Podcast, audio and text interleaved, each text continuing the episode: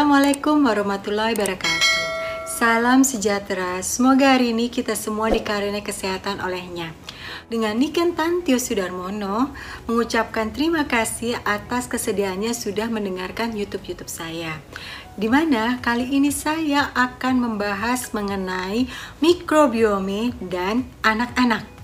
Nah, ini sangat bermanfaat untuk para ibu-ibu yang sedang mengandung dan juga para calon ibu dan juga sangat bermanfaat untuk para teman-teman yang memiliki anak balita. Seperti kita ketahui, tubuh kita ini 70% terdiri dari mikrobiome, 30%-nya baru sel tubuh. Di mana mikrobiome ini bisa diasah dan bisa dibentuk. Hati-hati, mikrobiome ini mempengaruhi otak.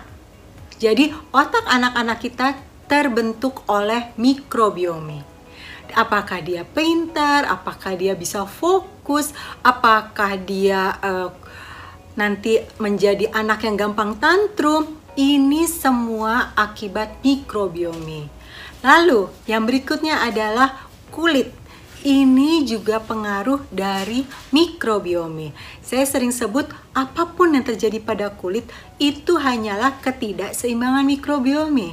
Sehingga saya suka agak mentertawakan teman-teman yang masih senang templok uh, mas apa ya krim ini dan krim itu hanya untuk memperbaiki kulitnya padahal itu semua bermula dari mikrobiome. Yuk kita dengarkan bersama dengan Niken Tantio Sudarmono di sini dan masih di tempat tidur. Loh, kenapa masih di tempat tidur? Karena saat ini saya sedang menjalankan puasa. Saat ini saya sudah menginjak jam ke 87 jam. 87 jam saya menjalankan water fasting di mana prosesnya tidak mudah sama sekali tidak mudah. Tiga hari pertama saya mengalami kesakitan di dalam sendi saya, juga kesakitan di pinggang saya. Dan pagi ini, alhamdulillah, saya bangun tidur dengan tidak merasakan sakit-sakit itu lagi. Tapi ada sakit baru yang saya rasakan yaitu di kepala saya. Ini kepala saya sebelah kanan sampai dengan ke telinga. Ini rasanya seperti kayak kena pukulan sesuatu. Tapi saya yakin ini adalah prosesnya. Uh, tubuh saya sedang membuang semua racun-racun dalam tubuh, jadi saya nikmati prosesnya. Nah, dengan Niken Tante Sudarmono lagi puasa ke 9, uh, 87 jam, di mana tujuannya adalah mencapai lebih panjang lagi yang nanti akan kita liput sama-sama seperti apa sih prosesnya. Nah, kali ini saya akan membahas mengenai mikrobiome pada anak mikrobiome pada anak di dalam janin ini dia tidak terkena mikrobiome. Tapi sebagai ibu, seorang ibu sebaiknya memperkuat mikrobiome dirinya. Kenapa seorang ibu harus memperkuat mikrobiome dirinya? Karena ibu adalah media penularan pertama kali mikrobiome terhadap anak. Ingat, ibu menularkan mikrobiome pertama kali terhadap anak. Jadi jangan heran, kalau ada ibu yang jerawatan, biasanya anaknya jerawatan. Ada ibu yang alergian, biasanya anaknya alergian. Ini sudah uh, terjadi secara saintis hanya karena mikrobiomenya. Nah, bagaimana seorang ibu menularkan mikrobiome ini kepada sang anak? Yuk kita dengarkan di YouTube berikut ini. Dengan saya lagi, Niken Tantio Sudarmono di sini. Kali ini saya akan membahas mengenai bagaimana caranya seorang ibu menularkan mikrobiome kepada sang anak. Nah, seperti kita ketahui bersama, mikrobiome berpusat di mulut, kulit, alat kelamin dan gut. Gut itu adalah uh, saluran mulai dari pencernaan tenggorokan kita sampai juga ke uh, lubang pembuangan ya. Nah, itu adalah pusat-pusat mikrobiome kita. Jadi nggak heran, bagi anak yang dilahirkan normal, dia akan ketularan mikrobiome sang ibu dari jalan lahirnya. Lalu yang kedua, mikrobiome akan menular dari ASI. Seperti kita ketahui dong, kalau ASI ini kita sangat saat menyusui itu biasanya skin to skin ya kan? Nah, skin to skin ini juga menularkan mikrobiome kita ke si anak. Jadi nggak heran jika sang anak masa pubernya dia uh, jerawatan, biasanya saya tanya dulu, ibunya jerawatan nggak? Atau ini anak alergian sepanjang hidupnya? Nah ini saya akan tanya, ibunya alergi alergian nggak? Nah mungkin banyak sekali yang bilang, loh saya nggak jerawatan. Kok anak saya jerawatan? Ini ngaco nih sini Ken.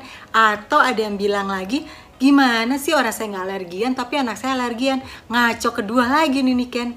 Oke, saya akan bahas soal ngaco-ngaconya saya. Nah, saya uh, sendiri memiliki alergi yang sangat parah pada kulit saya. Pada saat saya lagi flare atau pada saat saya lagi kambuh penyakitnya, saya bahkan tidak bisa menggunakan perhiasan imitasi. Berikut juga baju baju seperti ini nih alhamdulillah bisa saya pakai. Uh, padahal tadinya bahan itu untuk saya cukup alergi. Bayangin parahnya alergi saya. Nah tapi anak-anak saya dua-duanya alhamdulillah sekarang sudah usia di atas 17 tahun semua tidak ada yang alergi. Nah kenapa bisa seperti itu? Jadi gini tadi ditularkan melalui jalan lahir Lalu juga melalui skin to skin ada juga dari ASI. Tapi ada yang mungkin bertanya, gimana dengan anak saya yang tidak dilahirkan secara normal atau melalui jalan sesar? Nah, di situlah dia tidak terkena mikrobiome dari sang ibu. Dari mana dia mendapat mikrobiomenya? Ingat, mikrobiome di mana-mana. Di uh, ruang operasi, di bantal, di uh, bednya, dia alat operasi, semua ada mikrobiome. Ingat, mikrobiome di mana-mana. Jadi si bayi pertama kali dapat dari situ. Bahkan di udara pun ada mikrobiome. Ya. Jadi itu bayi mendapatkan dari situ. Lalu bagaimana yang tidak dapat skin to skin dari uh, ibu? Biasanya kita sering menggendong anak, ya kan? Nah, itu sudah memberikan mikrobiome baik kita kepada si anak. Nah, jika kita mikrobiomenya sebagai ibu mikrobiomenya tidak baik, maka kita akan mengeluarkan mikrobiome tidak baik. Nah, inilah terjawab untuk yang bilang kok saya tidak alergian tapi anak saya alergian. Ingat, alergi itu karena ada ketidakseimbangan mikrobiome. Ketidakseimbangan mikrobiome itu bisa didapat dari ASI jika si ibu masih suka makan manis, masih suka uh, mengkonsumsi simple karbo, masih suka makan hal-hal yang memicu inflamasi, jangan heran kalau mikrobiome anak-anak kalian menjadi berantakan padahal orang tuanya sehat. Lalu bagaimana untuk yang jerawatan pada sang ibu dan bapak tidak jerawatan? Saya akan bahas di berikut ini. Bagaimana jika sang anak jerawatan padahal orang tuanya tidak jerawatan?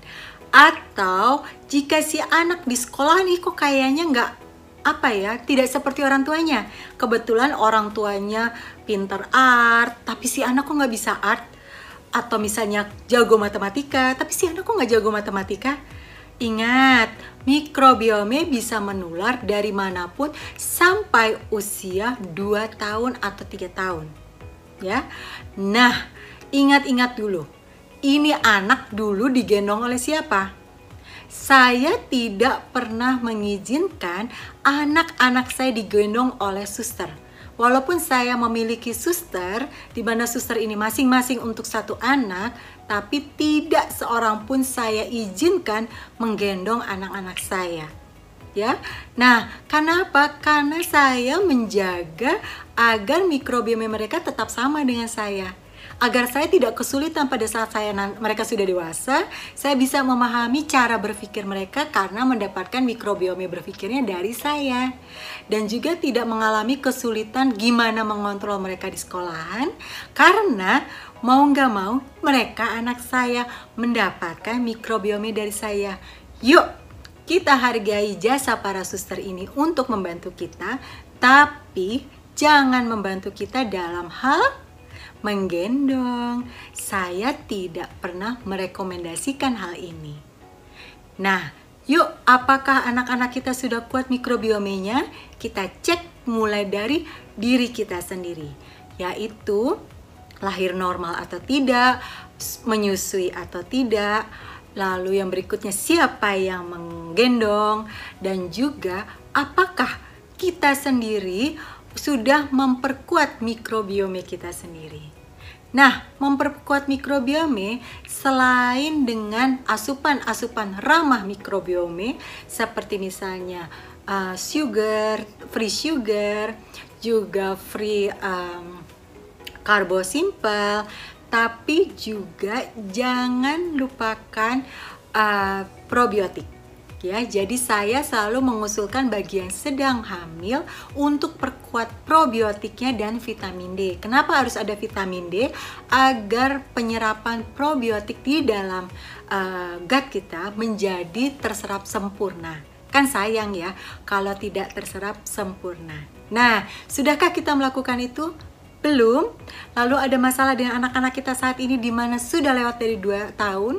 Mudah, kita perbaiki mikrobiomnya. Caranya, hindarkan mereka dari makanan inflamasi, stop cemilan, dan juga jangan lupakan probiotik dan vitamin D. Bagi yang sudah sangat parah uh, mikrobiomenya, bisa ditambahkan dengan enzim.